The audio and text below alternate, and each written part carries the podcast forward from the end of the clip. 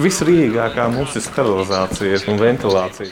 Rīgas Austrumu Kliniskās Universitātes slimnīcas medicīnas tehnoloģiju direktors Gins Cīrulis mani veda ekskursijā pa Latvijā lielākās slimnīcas stacionāru gaļazars. Šoreiz ekskursijas apskates objekti izvēlēti visnotaļ interesanti. Tās ir iekārtas un sistēmas, kuras ir tā teikt visrīgākās, proti patērē visvairāk enerģijas. Tās īpaši šobrīd, kad slimnīcai no jauna noslēgta līgumi par elektrības piegādi par jaunām, krietni augstākām cenām, izmaksā īpaši dārgi. Ļoti daudz elektrības patērē piemēram operācijas instrumentu mazgāšanas un sterilizēšanas iekārtas. Jo šeit tiek sagatavot visi sterilie materiāli visām ķirurģiskām operācijām, manipulācijām. Lielāko daļu īstenībā ir automātiskās instrumentu mazgāšanas iekārtas. Mums viņas ir sešas, un katra no viņām tērē 10-12 kWh. Katra no viņām. Šī ir teiksim, pat vēl tāda nu, mazākā patēriņa šajā nodaļā. Ir sterilizācijas iekārtas, kurās mēs to visu pēc tam apstrādājam. Un, uh, tur iekārtas pašas ir diezgan jaudīgas. Viena iekārta ir 60, 64 kW jaudīga un stundā patērē vidēji 12, 16 kW. Tādas mums ir četras. Un patiesībā šī nodaļa strādā 24,7 režīmā. Nu, ja gada laikā saskaitīt, tad iespaidīgi cipari kilovatos. Šīs iekārtas ir slimnīcas darba pamatā, jo bez tām nav iespējams nodrošināt operācijas, un arī samazināt iekārtu izmantošanas jaudu nav iespējams. Šī nodaļa iekārtota 2004. gadā, un kā stāsta slimnīcas medicīnas tehnoloģiju direktors Gins Cīrulis, tolaik vēl nebija tik populāri domāt par enerģijas taupīšanu, tādēļ, piemēram, siltums, kas rodas mazgāšanas un sterilizēšanas procesā, šobrīd nonāk kanalizācijā. Taču nākotnē, iegādājoties jaunas iekārtas, šis jautājums tiks risināts. Otrs elektrību visvairāk patērējošais bloks ir diagnostikas iekārtas, datortomogrāfi, rentgena iekārtas un īpaši magnētiskās rezonanses ierīces, kas darbības laikā var patērēt līdz pat 25 kWh. Un vēl īpaši izceļama ir milzīga telpa slimnīcas pagrabā, visa pilna ar dažādu izmēru un izskata polsterētām caurulēm. Tā ir ventilācijas sistēma, kas atrodas zem operāciju blokiem. Var redzēt, viss pagrabs ir pilns ar ventilācijas iekārtām, ventilācijas caurulēm. Un tas ir vajadzīgs, lai mēs operāciju zālē nodrošinātu ļoti augstu tīrības gaisu no ļoti lielā daudzumā. Jo, jo ja mājās mēs dzīvoklī gaisa apmainās mums vienreiz, divreiz stundā, tad šeit mēs apmainām gaisu 15, 20 reizes stundā. Un tas viss, protams, tas ir ļoti liela gaisa daudzums, un viņš ir jāsasilda, jāsamitrina vai attiecīgi vasarā jānodzesē, un, un tas tērē ļoti liels e, energoresursus. Jo mums ir 22 operāciju zāles šajā stacionārā gaļasars. No katrām divām operāciju zālēm mums ir viena venta agregāts, un, un venta agregāti nu, ir ļoti lieli un jaudīgi. Un tāpat milzumu daudz enerģijas patērē intensīvās terapijas pacienti. Atkarībā no tā, cik daudz dažādu dzīvību uzturošu iekārtu piesaistītas vienam cilvēkam, patēriņš ir dažāds, taču katra no slimnīcas teju simts intensīvās terapijas terapijas gultām patērē vidēji 3 kWh. Austrumu slimnīcas medicīnas tehnoloģiju direktors Gins Cīrulis katru intensīvās terapijas gultu salīdzina ar elektrisko teikānu, kura ieslēgta nepārtraukti darbojas visu dienu. Un šis viss jau agrāk nav maksājis maz, taču šobrīd, kad Austrumu slimnīcai beigušies iepriekšējie līgumi par elektrību un gāzi un noslēgti jauni, ietekme ir milzīga, stāsta slimnīcas valdes priekšsādātājs Imants Paiglītis. Otrajam pusgadam mēs esam šobrīd aprēķinājuši, ka tie būs papildus 3,2 miljoni eiro tikai uz gāzi, un elektrību un siltumu.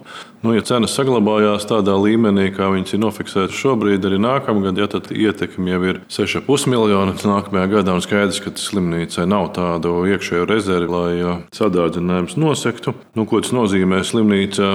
ja nekas nemainās no valsts puses un nav nekāds sniegts atbalsts arī slimnīcām šo pieaugušo izmaksu sekšanā, ja, tad pilnīgi noteikti mēs strādāsim ar zaudējumiem. Un, tas no, tālāk nozīmē, ka mēs ka mēs atkal nespēsim atjaunot savus pamatlīdzekļus, savus iekārtas un, un, un, un veikt to, kas, kas normālā situācijā jādara. Paiglītis uzsver, ka līdz ar energoresursu cenu kāpumu pieaug arī izdevumi par precēm un pakalpojumiem, kurus ietekmē enerģijas cenu pieaugums. Piemēram, ēdināšanai kopš 1. augusta noslēgts jauns līgums, kas slimnīcai izmaksā par 35% dārgāk.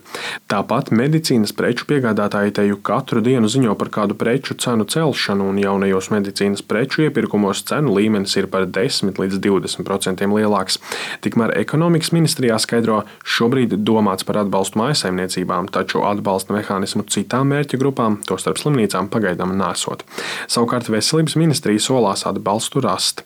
Tās valsts sekretārs vietnieks finanšu jautājumos Boris Kņigins skaidro, šobrīd notiek informācijas iegūšana no slimnīcām, lai saprastu situāciju katrā ārstniecības iestādē. Tālāk jau ar konkrētiem skaidriem un aprēķiniem ministrija gatavojas vērsties pie kolēģiem valdībā, lai meklētu risinājumus, kas neietekmētu slimnīcu darbību, skaidro Boris Skņigins. Uz augusta otro pusi vai septembra sākumu gatavojam informatīvu ziņojumu. Un tad diskutēsim par to, nu, kuru variantu mēs piedāvāsim valdībai. Jo nu, valdība ir iespējams piedāvāt variantu, ka valdība attiecību starpību sēd vismaz kaut kādā apjomā, ņemot vērā iepriekšējās pieredzi ar Covid izdevumiem, kad mums izdevumus atlīdzināja tikai par faktiski veiktajiem izdevumiem, kad nu, šeit reiķinamies, ka iespējams šis būs pēc līdzīgas schēmas. Līdzīgi kā Rīgas Austrumu Kliniskajā universitātes slimnīcā, arī citās Latvijas radio uzrunātajās lielajās ārstniecības iestādēs Rīgā un Daugopilī atzīst, bez atbalsta no valsts visticamāk pašiem pārdzīvot izmaksu lēcienu neizdosies. Paula Stradiņa Kliniskajā universitātes slimnīca atzīst, šobrīd slimnīcā vēl rēķinus kārto pēc vecajiem līgumiem, tādēļ tik smagi sadārdzinājumu neizjūt, taču jau tagad ir skaidrs, ka gada otrajā pusē slimnīcai neizdosies izvairīties no energokrīzes sakām. Stradiņas slimnīcas vadītājs Rināls Muciņš uzsver, aug ne tikai gāzes un elektrības, bet arī ūdens un atkrituma apsaimniekošanas izmaksas, savukārt tas ceļ cenu arī visiem pārējiem pakalpojumiem. Muciņš prognozē, ka šajā gadā elektrības, gāzes, kanalizācijas un atkrituma apsaimniekošanas izmaksas no slimnīcas budžeta prasīs aptuveni papildus 1,3 miljonus eiro. Mēs bijām plānojuši tātad 22. gada budžetā, ka mums šīm pozīcijām būs 2,9 miljonu izdevumi, bet faktiski būs 4,2. Tātad viena trešdaļa. Protams, tādu solījumu tieši nesam saņēmuši. Mēs esam saņēmuši, ka situācija tiks skatīta, monitārēties pie robežās un tā tālāk. Protams, jā, ja nekas cits neatliks, tad slimnīcai būs tas jāsadz. Mums nekompensēs šo te pieaugumu, tad slimnīcai būs jāatrod iespējas. Protams, tas ir saistīts ar pacientu ārstēšanu, jo slimnīcas finanšu situācija un vienmēr ir bijuši izaicinoša. Nu, arī šobrīd pacientu skaits ir, ir augsts, bet nu, mēs, protams, ceram vēl uz sarunām ar Nacionālo veselības dienestu par attiecīgo izmaksu pieauguma kompensāciju. Bērnu Kliniskās Universitātes slimnīcas valdes locekle Lielota Rieksniņa skaidro, jau 2021. gadā slimnīca jūta energo izmaksu pieaugumu, taču tad gada laikā par šiem pakalpojumiem slimnīca šķīrās no 1,4 miljoniem eiro. Šogad situācija jau vērtējama kā kritiska. 22. gadā, nu es teiktu tā, mēs esam pārsnieguši visus visneiedomājamākos sadārdinājumus. No šī brīža prognozes mums rāda, ka Bērnu Kliniskā Universitātes slimnīcā izmaksas sastādīs pat, pat 2,7 miljonus jā, eiro. Protams, ka tas ir milzīgs sadārcinājums, un bērnu slimnīca, protams, ka netiks galā no pat saviem spēkiem. Milzīgs arī ir apjoms tieši par šīm te, nu, medicīnas iekārtām un aprīkojumu, jo jauno medicīnas iekārtu elektrības patēriņš ir milzīgs. Savukārt Daugaupils reģionālajā slimnīcā jau aktīvi mēģina ietaupīt, piemēram, pārtikā, kuras izmaksas augušas ļoti ievērojami, gaļai nelielos apjomos pievienojot soju.